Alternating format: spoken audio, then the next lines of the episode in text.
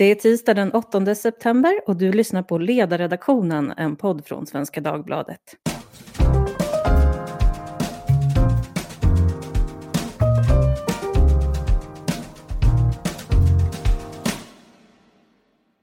Jag heter Lydia Wåhlsten och idag så är det ingen vanlig dag för idag är det nämligen riksdagens högtidliga öppnande. Och det här får väl anses vara en slags kick-off för den politiska hösten. När vi spelar in den här podden har kungen precis sagt sitt och även statsminister Stefan Löfven har läst upp regeringsförklaringen som spaltar upp regeringens huvudprioriteringar här framöver och var den så kallade styråran riktar sig emot. Så då är frågan vad Löfven sa egentligen. Fanns det no någonting här som man behöver en skiffernyckel för att kunna avkoda? Det ska vi prata om idag. Med mig har jag Olof Jonmyrén, politisk redaktör på C-märkta Södermanlands Nyheter. Välkommen Olof! Tack, tack! Här har vi också Lovisa Arvidsson som är politisk redaktör på S-märkta Länstidningen Östersund. Hallå Lovisa! Hej! Sist men inte minst har vi min kollega Fredrik Johansson som förutom att skriva ledare hos oss här under hösten har en bakgrund hos Moderaterna. Och Fredrik, om jag inte missminner mig så har du också varit talskrivare hos Bo Lundgren, stämmer det? Nej, det stämmer inte. Gör inte det? Har, visst har du varit talskrivare? Jag har varit talskrivare, fast åt tidigare partiledare. Så att det är inte åt Bo Lundgren utan åt eh, Carl Bildt. Men det är mycket, mycket länge sedan. Okej, men jag tänkte börja med en sakfråga till dig Fredrik. Det här med eh, regeringsförklaringen och varför man ska bry sig om det. För nu i SVT så sa samtidens Dick Eriksson att eh, regeringsförklaringen det är egentligen världens tråkigaste reklamfilm. Så varför ska våra lyssnare bry sig? Det är ju ett tillfälle där eh, regeringen eller statsministern samlar sig till att beskriva vad man planerar att göra under eh, Eh, under riksdagsåret. Så att det är klart att man eh, har anledning att lyssna till det. Och eh, det intressanta är väl både vad som sägs och vad som inte sägs. Så att eh, jag vet inte riktigt hur mycket reklamfilm Dick Eriksson tittar på, men det här tycker jag är någonting man som samhällsintresserad medborgare bör eh, ägna sig åt och titta och lyssna på. Att vara talskrivare åt Carl Bildt, det låter ju som en särskild utmaning. Men eh, att skriva sådana här tal, vad är det viktigaste att tänka på när man gör det? Jag vet inte, det är ju sakinnehåll som spelar roll i det här sammanhanget. Jag tror att vi är inte de enda som sitter och eh, sitter och nagelfar det här dokumentet utifrån eh, både egna och andras politiska agendor. Och dessutom i, i den tid vi lever i så blir ju eh, det här också viktigt ur ett parlamentariskt perspektiv. Alltså vad sker i, eh, i regeringskonstellationen i, med januariöverenskommelsen? Finns det några signaler här som eh, pekar i en eller någon annan riktning? Så, att det, är, eh, så det är väl det, det viktiga att man eh, kan, kan komma fram med det man vill göra under Eh, Eh, under året och staka ut en politisk, eh, politisk riktning. Det tror jag är ambitionen med alla regeringsförklaringar. Ja, och en person som har varit med i den här podden många gånger tidigare är ju Daniel Svedin som har börjat som talskrivare hos Löfven. Vi vet inte vad han har eh, haft för påverkan på det här talet, men man kan ju misstänka att det är någonting i alla fall. Eh, jag måste bara dela med mig då av en personlig anekdot, för att regeringsförklaringen har betytt väldigt mycket för mig personligen, för att det var nämligen så att 2006 så var jag då på Reinfeldts regeringsförklaring. Det var ju väldigt speciell stämning minns jag. Det var liksom eh, det var höst och det var historiska vindar som blåste.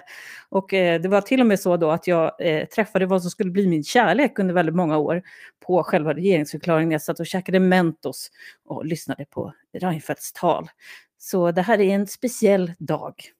Men min första rundfråga till er, det är om ni är nöjda med det ni hörde från Löfven, ja eller nej? Olof? Ja du, eh, jag skulle vilja säga nej. Det är nog väldigt sällan som man är helt nöjd med en regeringsförklaring, framförallt om man inte delar regeringsförklararens ideologiska utgångspunkter.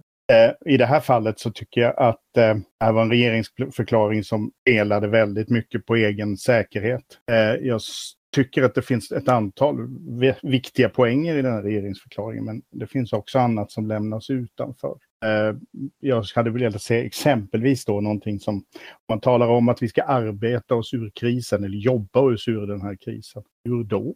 Um, ja, men jag håller med, det är en jättebra idé. Men, men en, ja, det verkar som att regeringen i det här fallet håller en del på sina reformer eller förändringar som ska komma i budgeten. Och då blir det liksom ett spel att vi ska antyda saker och sen ska ni få nyheten sen. Det gör ju att regeringsförklaringen i sig blir lite tunn på substans ibland. Det är ju bara några veckor kvar då tills vi ska få reda på vad som egentligen står i det riktiga styrdokumentet, budgeten. Men Lovisa, vad kände du från din socialdemokratiska horisont? Ja, men jag kände nog att jag var otippat nöjd faktiskt. Eh, jag brukar tycka att de är lite tråkiga och tradiga de här regeringsförklaringarna. Ehm, kanske lite som ni nämnde tidigare, en reklamfilm och för vad, man, vad som komma skall. Men det jag såg idag var nog en ganska eh, jordnära Stefan Löfven ehm, som hade, tog en väldigt samlande roll. Ehm, jag noterade också tonen i talet. Det var inte det här ehm, vi har ibland hört en lite, viss hårdare, lite hårdare retorik det sista året. Eh, idag tyckte jag mig se mjuk, mjukare retorik eh, och lite mer inkluderande för hela landet. Så jag var faktiskt eh, mer nöjd än vad jag hade gissat när jag satte igång för att lyssna idag. Fredrik, då får du välja här mellan ja och nej-spåret. Nej, jag var väl inte nöjd. Jag vet inte riktigt vad Stefan Löfven skulle säga för att jag skulle vara nöjd med hans regeringsförklaring. Så det är klart att det ligger väl lite grann i korten. Jag tycker väl att Eh, det var intressant att se hur eh, stora politikområden då, som nämndes, eh, som kanske nämndes tidigare, inte var med. Eh, det gäller integration, det gäller eh, framtiden för svensk eh, ekonomi efter pandemin och så vidare. Och jag tycker att framför allt att det som har dominerat mycket av debatt och samhällsliv de senaste veckorna kring den allt grövre gäng och nu också klankriminaliteten eh, hanterades ganska eh, Eh, förvånansvärt flyktigt i det här dokumentet. Sen ska man ju säga också att det är klart att detta är under ett mycket speciellt år och under väldigt speciella omständigheter och att coronapandemin får ett stort utrymme i eh, eh i regeringsförklaringen är ju, är ju naturligt och eh, att han också beskriver vad man då ämnar göra för att eh, ja, framförallt stärka kommunsektorn som då är, eh, är ju det viktigaste tror jag från, Eh, från, från, från Socialdemokraternas, eller alltså framförallt från, från Stefan Löfvens sida eh, under, under hösten och framåt här. Det är, ju, eh, det är ju naturligt. Sen tror ju jag att Eh, att den frågan, och det är väl, man riskerar väl få äta upp det, men att den politiskt håller på att ebba ut på ett sätt som det här dokumentet inte riktigt eh, hanterar. Utan eh, man pratar väldigt mycket om, om, eh, om saker som jag tror är i hög utsträckning politiskt diskonterade redan. Eh, debatten befinner sig delvis på på, på, i andra frågor och är mer så att säga, eh, framåtlutad vad gäller, vad gäller eh, eh, kriminaliteten framför allt. En annan sak var ju att eh, vår kära konung höll ju ett litet tal innan och då noterar ju den som har följt coronadebatten att han var väldigt noggrann med att säga att människor hade avlidit med corona och inte av corona. Det tyckte jag var en sån här intressant detalj. Jag kan tänka mig att de har suttit och, och verkligen funderat på hur de ska uttrycka det där på något bra sätt. Men eh, Anders Lindberg då, som är politisk chefredaktör på Aftonbladet, han sa att eh, det här var en stabilitetsregeringsförklaring och att om det var Göran Persson som vi hade sett istället, då hade han ombildat hela regeringen. Men så gör minsann inte Stefan Löfven. Håller ni med om det där att det var stabiliteten som var Löfvens stora drag här, Olof? Jag vet inte om det är stabiliteten, men det, men det är ju att ta inga onödiga risker över svaret på frågan. Där. Det var en eh, tämligen eh, riskfri. Sen hade han ju naturligtvis ett antal tunga punkter. Det stod liksom andan över hela den här regeringsförklaringen var ju på något sätt, det finns pengar, här kommer de. Lite som en generös gest. Men, eh, men ja, stabilt. Stabilt blir det ju först när man ser vad man gör för den där stabiliteten. Apropå att eh, du sitter på en centerpartistisk tidning, tror du att Centerpartiet var nöjda med det som hördes här? Början ja, absolut.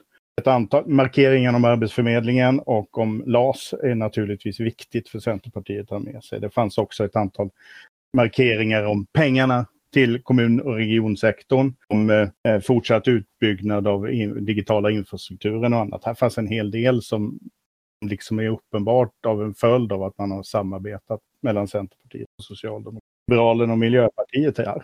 Du känner att de var mer frånvarande eller?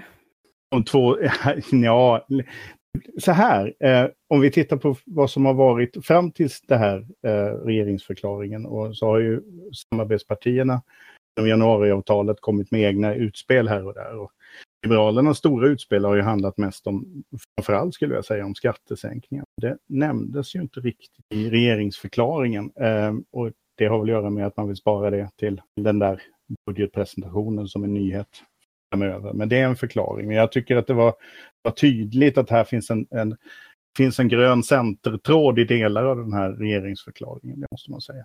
Lovisa, Mats Knutsson kallade det hela den här regeringsförklaringen för lugnet för stormen.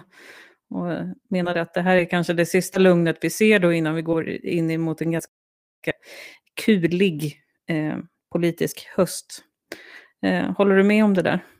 Ja men det gör jag. Alltså det, vi ska inte underskatta pressen som, som är riktad mot regeringen just nu vad gäller corona framför allt. Eh, jag håller inte med om att de här frågorna var överspelade eller att debatten helt har flyttat utan tvärtom, de här frågorna är helt avgörande för hur stora delar av landet ska klara sin basala välfärd just nu. Ehm, och den, eh, det riskerar ju att eh, hur man, alltså den, den negativa kritik regeringen har fått för coronahanteringen måste man hantera nu och det gör man genom att lägga kursen med att stärka välfärden och äldreomsorgen för kommunerna och det är, en, det är en, eh, att räcka ut en hand till stora delar av landet att visa att vi sitter i det här tillsammans. Eh, så jag tror att man försöker på så sätt parera den här tuffa hösten som onekligen kommer. Det ser vi om inte annat i opinionsmätningarna. En sak som talar för det Fredrik sa i alla fall, det är ju den här presskonferensen som Annie Lööf och Stefan Löfven höll gemensamt igår. För då skulle man ju prata om just att välfärden får stora tillskott.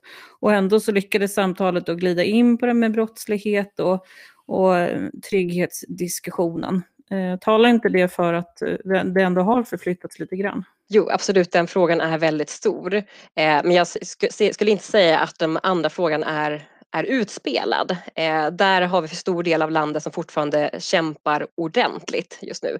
Men ja, medialt så är det kanske så att just nu så är det en annan fråga som dominerar för stunden. Men hur corona drabbar landet och framförallt eh, kommuner och regioners ekonomi, den ska inte underskattas under en lång tid framöver.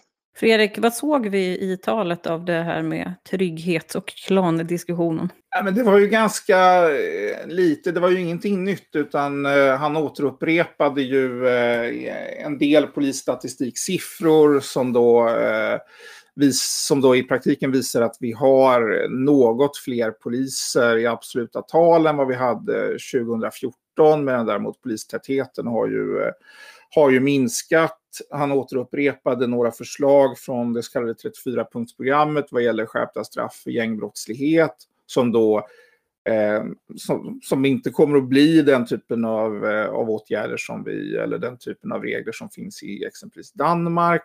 Eh, man ska eh, ta bort straffrabatten, eller korrigera straffrabatten är väl kanske mer korrekt att säga, för, eh, för, för ungdomar.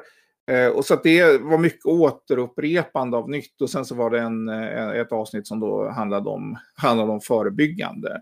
Men den del som handlar om förebyggande och överhuvudtaget i regeringsförklaringen nämnde inte eh, integrationsfrågan, vilket ju då framstår som eh, rätt udda mot bakgrund av, eh, av hur den här kriminaliteten som har fått stor uppmärksamhet på senare tid faktiskt ser ut.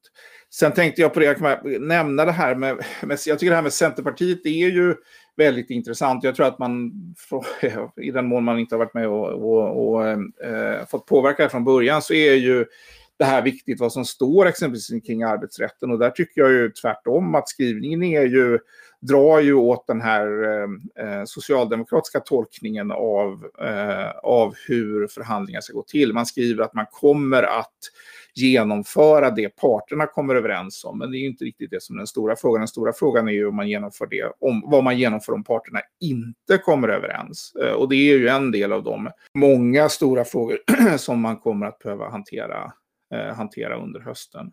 Eh, så att det är inte, jag tycker inte att det är Ehm, om, man, om man då spekulerar, vilket ju då alldeles uppenbart är, eh, förekommer rätt mycket i media om att eh, Annie Lööfs återkomst skulle innebära ett möjligt ett närmande mellan framförallt S och C och kanske en fördjupning av januari eh, överenskommelsen eller samarbetet så tycker jag inte att den här eh, regeringsförklaringen riktigt talar för det. För att den svarar inte riktigt upp mot eh, vad jag inbillar mig är centerpartistiska förväntningar på vad ett sådant samarbete skulle, skulle innebära. Olof, om vi pausar lite där. Den här presskonferensen vi såg igår, det ska väl vara den första gången då som de framträder tillsammans. Ska man tolka det där som en fördjupning av samarbetet? Bra fråga. Um, vet inte. Jag tror att det snarare var en signalmarkering från båda sidor. Det var en fråga om resurser till kommuner och regioner. En fråga där Centern har det som en väldigt stark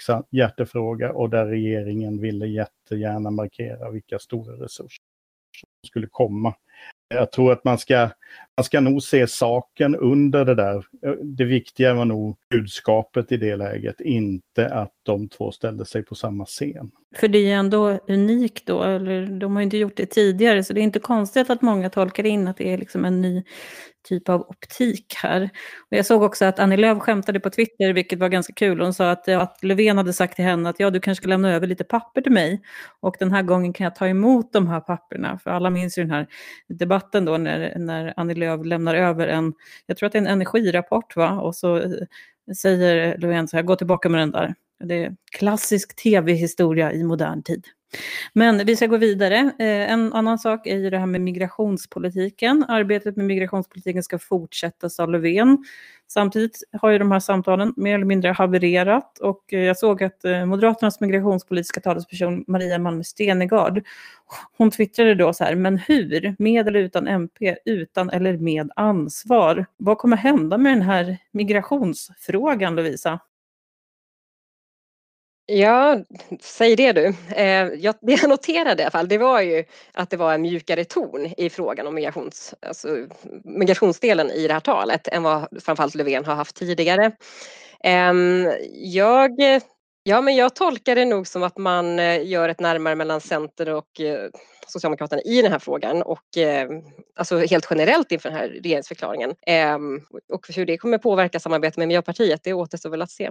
Mm, intressant, så du ser att Socialdemokraterna börjar mjukna i migrationspolitiken? Då? Jag noterar en mjukare, betydligt mjukare ton. Sen om det är jag som tolkar in för mycket, det återstår att se. Men det, han nämnde, jag noterar också att han nämnde, Löfven nämnde asylrätten flera gånger och, och jag upplevde att det faktiskt var en, en liten riktning där som, som ändrades lite i det här talet. Mina frågor fick eh, min kollega Ivar RPC och då menade han då att jo, men det här med regeringsförklaringen är intressant. Jag tycker att man borde ha samma princip som en innehållsdeklaration, att det viktigaste ska komma först. Eh, och menade då att ja, migration och integrationsfrågorna kom så långt in i själva regeringsförklaringen. Kan man tolka ett tal på det där sättet, Fredrik, eller hade det varit apart att börja liksom i, i klansamhällena? Ja, men det finns ju ingen, eh, eh, det finns ju liksom ingen reglerad struktur för det här. Eh, och det är klart att eh, exceptionella händelser och Eh, har, kan, ju, kan ju komma tidigare en sån här presentation. Nu dröjer det till, alltså, jag noterade att det dröjer till sidan nio innan han börjar prata om, eh, om kriminaliteten och han har eh, långa passager, passager som handlar om, om helt andra saker eh, dessförinnan. Och det är klart att det finns en, det finns en liturgi i hur, hur det här är upplagt men eh, eh, mot bakgrund av, eh, av hur brännande frågorna ändå är så får det betraktas som en eh, försutten möjlighet ändå för Löfven att, eh, att markera i det där. Skulle jag säga. En sak som vi hörde väldigt mycket om då, om det där var det vi inte hörde så mycket om, är ju klimatet. Ganska allmänna ordalag om vad man ska plocka upp efter sig när man är ute i naturen. Det har vi lärt oss sedan vi var barn. Men det ligger ju en ganska stor surdeg på regeringens bord, nämligen Preems oljeraffinaderi i Lysekil, där Miljöpartiet nu var ganska tydliga i helgen och sa att eh, de kommer säga nej till det här. Och då är min fråga hur ni tror att den här frågan kommer att spela ut. Vissa tror ju att Miljöpartiet kommer att hoppa av på på just den här frågan, Olof? Ja, det är en jättes, jättesvår fråga att svara på ärligt talat. För att Miljöpartiet har ju höjt insatserna nu på den här frågan väldigt tydligt. Och ska, jag har inte hört något egentligen vad sossarna tycker. Tycker de att eh, Miljöpartiets linje inte är vad regeringen bör göra, ja då får du ju på något sätt en regeringskris. Ehm, um, jag, jag tror nog att eh, det kan ha varit ett lite förhastat kortutspel här från Miljöpartiets sida. För nu har man ju liksom ställt sig med ryggen mot väggen. Det kan eh, komma till ett högt pris om regeringen tycker att de, det som ska klaget på premieraförränderiet, eh, om det har värden som man ändå vill bejaka, trots Miljöpartiets kritik mot raffinaderiet. Lovisa, vad ligger i Socialdemokraternas kort här? Ja, alltså det, det här ringer väl in hela problemet med samarbetet med Miljöpartiet sedan dag ett, tänker jag. Ehm, det här att Miljöpartiet höjer sina insatser och eh, Socialdemokraterna eh, står fast vid en viss punkt och sen så riskerar man hela tiden konstant kris. Eh, jag tror att man kommer spela ett högt spel i den här frågan och inte låta sig eh, ledas av Miljöpartiet. Du tror att de kommer ge Preem grönt ljus? Jag tror det en dimension här som jag tror kommer att stöka till det eh, även mer generellt för Stefan Löfven och för, för regeringssamarbetet, eh, det är ju att det kommer pågå ett parti, eller förlåt, ett språkrörsval i Miljöpartiet. Och det är ju väldigt svårt att se att den kampanjen inte kommer leda till Eh, till att eh, flera av kandidaterna kommer inta eh, rätt radikala eller åtminstone tydliga positioner i den här typen av frågor. Så att Miljöpartiet befinner sig inte riktigt i en så att säga, modererad period här under hösten. Och det kommer ju inte bara att synas vad gäller, vad gäller premfrågan utan det kommer ju även påverka migrationsfrågan och det kommer kunna påverka även, även andra, andra frågor. Så att den huvudverken har ju har ju inte blivit mindre för regeringen eh, i och med Isabella Lövins avgång. Dessutom såg jag att Jonas Sjöstedt var ute nu och sa, eller förtydligade att det kommer att bli eh, en, ett nej från dem om man går fram med arbetsrätten. Och så sa han då till Moderaterna att ja, då får vi se hur mycket opposition ni är om ni vågar fälla regeringen på den här frågan. Så det är ju ytterligare en sån sak. Eh, en annan sak är ju att det alltid brukar spekuleras om nya statsråd inför en regeringsförklaring, men i år har det inte varit någonting sånt, eller här i höst. Hur tolkar ni att det inte har varit så? Är, är man så nöjd med de ministrar man sitter på eller är det bara att det är annat fokus just nu? Lovisa? Ja, jag tror att det här är stabilitetskursen man tar ut och då ska man inte hålla på och eh, byta ut statsråd alldeles oavsett vad man, hur man tycker att de har presterat eh, hittills under mandatperioden. Så jag skulle nog säga att det här, eh, nu är det sitt still i båten, nu byter vi kurs, eller nu håller vi den här kursen och hämtar hem efter den här eh, enorma coronakrisen vi har haft. Det tror jag är tänket. Mm. Olof? Men det är nog så. Jag tror att de här ministrarna som nu sitter är ju fullt, uppta fullt upptagna med att hantera coronakrisens effekter. Att byta ut någon just nu ger ju en ja, begränsad effekt. Göran Persson brukar ju ofta tala om att toppa laget. Jag gissar att ska Löfven byta ut ministrar så är det nog närmare nästa val. Det roliga med det här med toppalaget är ju att det är några som inte riktigt platsar. Och då är frågan om det finns någon sådana statsråd som ni tycker borde ha bytt portfölj. Eh, Fredrik? Jag vet inte riktigt. Jag tror inte problemet så mycket ligger på, ett, ja, på, på personplan här. Och jag delar ju eh, uppfattningen att, eh, att han skulle ha gjort några större förändringar av, eh, av personaluppsättningen nu. Det tror jag inte vare sig hade gjort från eller till. Men det är klart att det finns ju ministrar som framförallt Morgan Johansson, Eh, och och det, de som är ansvariga för hanteringen av, eh, av, av kriminalpolitiken, att det här finns det ju klart att det finns eh, en växande extern press. Samtidigt är det ju, är det ju statsråd som njuter, ganska, åtnjuter ett ganska starkt internt stöd i sitt parti. Så att jag tror inte att det är, eh, en sån toppning av laget kommer inte kommer ju inte att, eh, att ske. Lovisa, borde inte Annika Strandhäll ha kommit tillbaka i någon form? Hon verkar väldigt sugen i alla fall. Alltså hon, hon slutade ju regering av liksom väldigt tråkiga skäl, på personliga skäl. Så det är väl när hon i så fall skulle vara redo. Men jag håller med, jag tror att det är närmare valet vi i så fall ser en förändring. Um, sen är jag väl också lite glad för att vi inte bara ser den här typen av utbyten. Socialdemokraterna har ju en tendens att man plockar bort någon när man tycker någonting går lite dåligt men man behåller kontexten så att säga. eh, och tro att det ska göra väldigt stor skillnad för att man byter ut en person. Eh, och det är, väl, det är väl glad nu att faktiskt se att de inte gör utan man, man siktar in sig på politiken istället. Så där får Löfven fyra plus från dig då.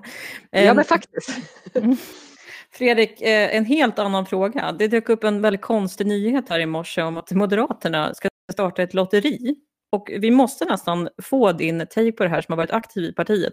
Vad 17 handlar det här om? Ja du, det handlar väl om att man behöver bredda sin, eh, eh, sin intäktsbas skulle jag gissa. Jag har inte följt frågan särskilt noggrant. Man har ju, man har ju en bakgrund på lotteriområdet. Det fanns något som hette H-lotteriet tidigare, men det tror jag lades ner någon gång på talet eller sånt där man är ju inte tillnärmelsevis lika framgångsrik som Socialdemokraterna som eh, väl huvudsakligen försörjer sig genom att sälja lotter. Ja, men försöker man trolla regeringsförklaringen här? För det var ju så att Kristersson fick ju frågor på det här eh, idag när han då skulle kommentera regeringsförklaringen. Nej, det, det, kan jag inte svara på. Jag antar att man ville berätta att man har stått ett lotteri helt enkelt. Val av dag är helt slumpmässig. Olof, är, hur såg du på den här nyheten? Ja, du, ta, dra valfri lott till tombolan som svar där, ärligt talat. Men eh, alltså ärligt talat, partier har alltid behov av stålar. Jag tror, jag tror att det här är väl ett bra sätt att visa, ge oss gärna mer intäkter nu när det har blivit lite svårare att gå runt om med swishhoven kanske. Det gäller möjligen inte Centerpartiet i alla fall. Men...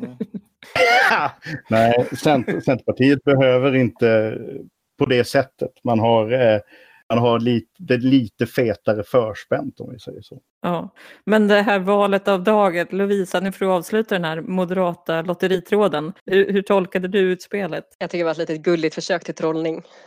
Ja, det är så du tolkar det också. Jag såg att de flesta var liksom lite osäkra som att man också försökte plocka poäng då på A-lotterierna och Socialdemokraternas lotterier. Att här skulle man då ha en mer ansvarsfull spelpolicy. Själv tyckte jag att det såg ut som Postkodlotteriet och då funderar jag på vem är Moderaternas Rickard Sjöberg? Men då var det någon som sa att Rickard Sjöberg framstår ändå som väldigt moderat, så han kan nog ha en sömlös övergång då till Moderaterna. Men vi ska börja avsluta och eh, min, mina två sista frågor rör då hur ni ser på framtiden. Det här var ju en slags kick-off då för riksdagsåret. Vilken fråga kommer att bli mest definierande för den politiska debatten här under hösten, Olof? Ja, jag tror att eh, brottslighet och eh, samhällsordning och trygghetssäkerhetsfrågan kommer att äga en stor del av debatten framöver.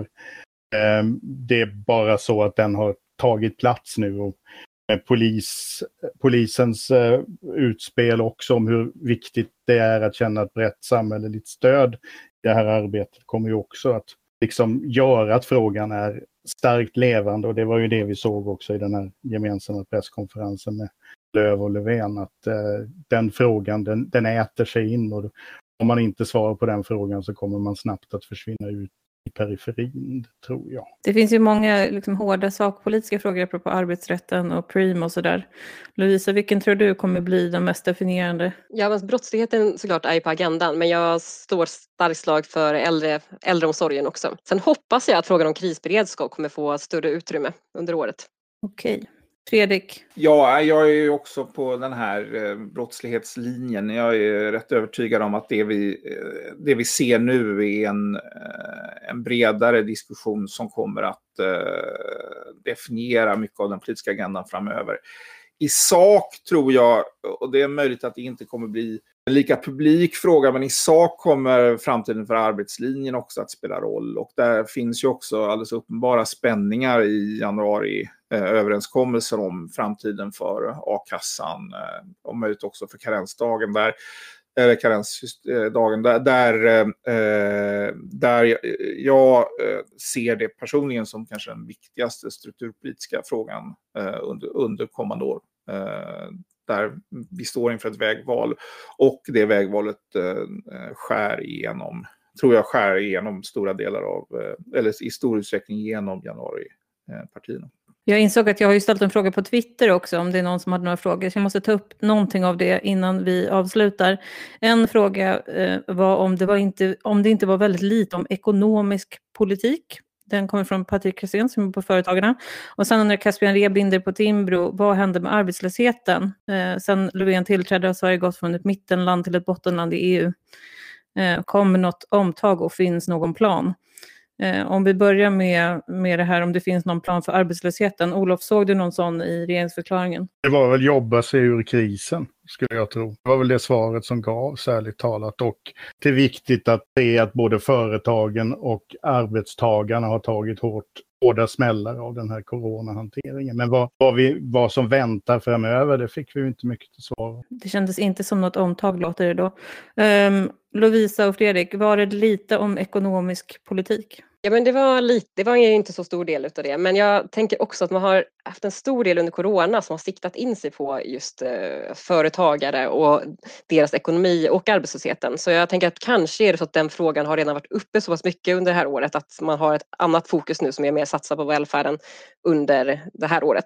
Fredrik, håller du med eller? Nej, jag håller med att det var ju inte ju ekonomisk politik generellt och specifikt om, eh, om strukturella frågor som rör företagande var det väldigt lite kring. Och jag tror att en viktig förklaring till att till att arbets... Eh, ja, till att jobbfrågorna också fick ett ganska undanskymt... Eh, var ganska undanskymda den här regeringsförklaringen är just det att eh, att arbetslösheten har vuxit så kraftigt och att man inte riktigt vet hur man ska göra en omstart för, liksom, för arbetslinjen och att man är splittrade i regeringssamarbetet i den, i den frågan. Så det håller jag med om. Ja, och apropå splittring så ska man i alla fall samla sig. Den 21 september så presenteras budgeten som vi då och får hoppas att samarbetspartierna och regeringen då har enats om. Och min fråga till er eh, som ska avsluta dagens podd är vad ni tror kommer bli den största skrällen. Jag kanske tänker på a-kassan, kommer den att behållas? Det har väl flaggats upp för att den kanske kommer bibehållas i alla fall ett tag. Och vad händer med försvaret till exempel? Um, Olof, vad tror du kommer bli den, det mest intressanta här i, i höstens budget? Jag hoppas på att vi får ett besked angående försvaret som rör sig i den riktning som eh, Moderaterna, Kristdemokraterna och Liberalerna har ritat upp i en debattartikel för en tid sedan. Om man nu menar att vi ska öka trygghet och säkerhet eh, gemensamt i det här i, i den, de reformer man vill lägga fram så är ju just eh, försvarspengarna väldigt, väldigt viktiga för att visa att man har en långsiktig ambition. Och när vi pratade om ministrar som sitter lite sådär, så Peter Hultqvist har det ju inte riktigt lätt. Han har ju klämts mellan försvarsberedningens rapport och uppenbarligen ett absolut jättenej inifrån finansdepartementet. Det ska bli intressant att se om Centern och Liberalerna kan driva Socialdemokraterna mer i ökade resurser till både, både försvaret, eh, militärt sett, men även civilförsvaret. Nämnde ju lite grann detta, men det var ju inga i, i regeringsförklaringen nu, men det var ju inte mer, var inte mer handfast än så. Nej, det var ingenting som Magdalena Andersson inte skulle kunna skriva under på. Lovisa, vad, vad tror du kommer bli mest intressant här i budgeten? Jag tror också försvaret helt klart. Ehm, sen tyckte jag det var lite intressant eh, under eh, regeringsförklaringen idag att Stefan Löfven faktiskt nämnde bankskatten, att det här ska finansieras med, med bankskatten, hur vi bygger upp både civilförsvaret och eh, ja, totalförsvaret. Så det hoppas jag på till budgeten. Ja, den kopplingen framstår inte som helt logisk för mig. Kan du förklara hur, hur det där hänger ihop? Det kan jag tyvärr inte. Men eh, det har ju varit en stor diskussion kring hur denna finansiering ska skötas ehm, och det är en stor satsning man gör. Ehm, men det stora kruxet har ju varit just hur man gör den finansieringen. Och det här är ju den det som har legat på tapeten nu. Ehm, och jag blev förvånad att höra att man verkar ha landat i det. Rent budgettekniskt så fungerar det väl inte riktigt så heller att man kan liksom växla in en skatt mot en viss satsning utan det är så att säga ett intag och sen är det ett uttag. Men eh, Fredrik, du får avsluta för idag då. Vad tror du kommer bli den största skrällen i budgeten? Bara för att nämna med bankskatten har man ju försökt tidigare. Det är ju eh, svårt att se att regeringen kan hitta, liksom, hitta en lösning, teknisk lösning där det här verkligen eh, kommer att eh, kunna fungera. Det återstår att se, man har försökt som sagt var tidigare. Eh, och att vi skulle basera finansiering av försvaret på, eh, på detta känns eh, minst sagt skakigt. Var, jag tror också att försvaret skulle kunna bli en sån, eh, en sån överraskning att man ändå landar den frågan. Eller kanske något på på lag och ordning, kriminalitetsområdet, där, eh, där om, om utvecklingen fortsätter som den gör och frågan får den plats jag tror på eh, i debatten under hösten att, att regeringen kommer behöva flytta fram sina positioner och det kan vara en kombination av både ytterligare förebyggande åtgärder och eh, satsningar på eh, Eh, på, på polis exempelvis. Men det eh, återstår att se. Ja, vi återkommer med podden den eh, 21 september då vi vet vad som faktiskt står i budgeten.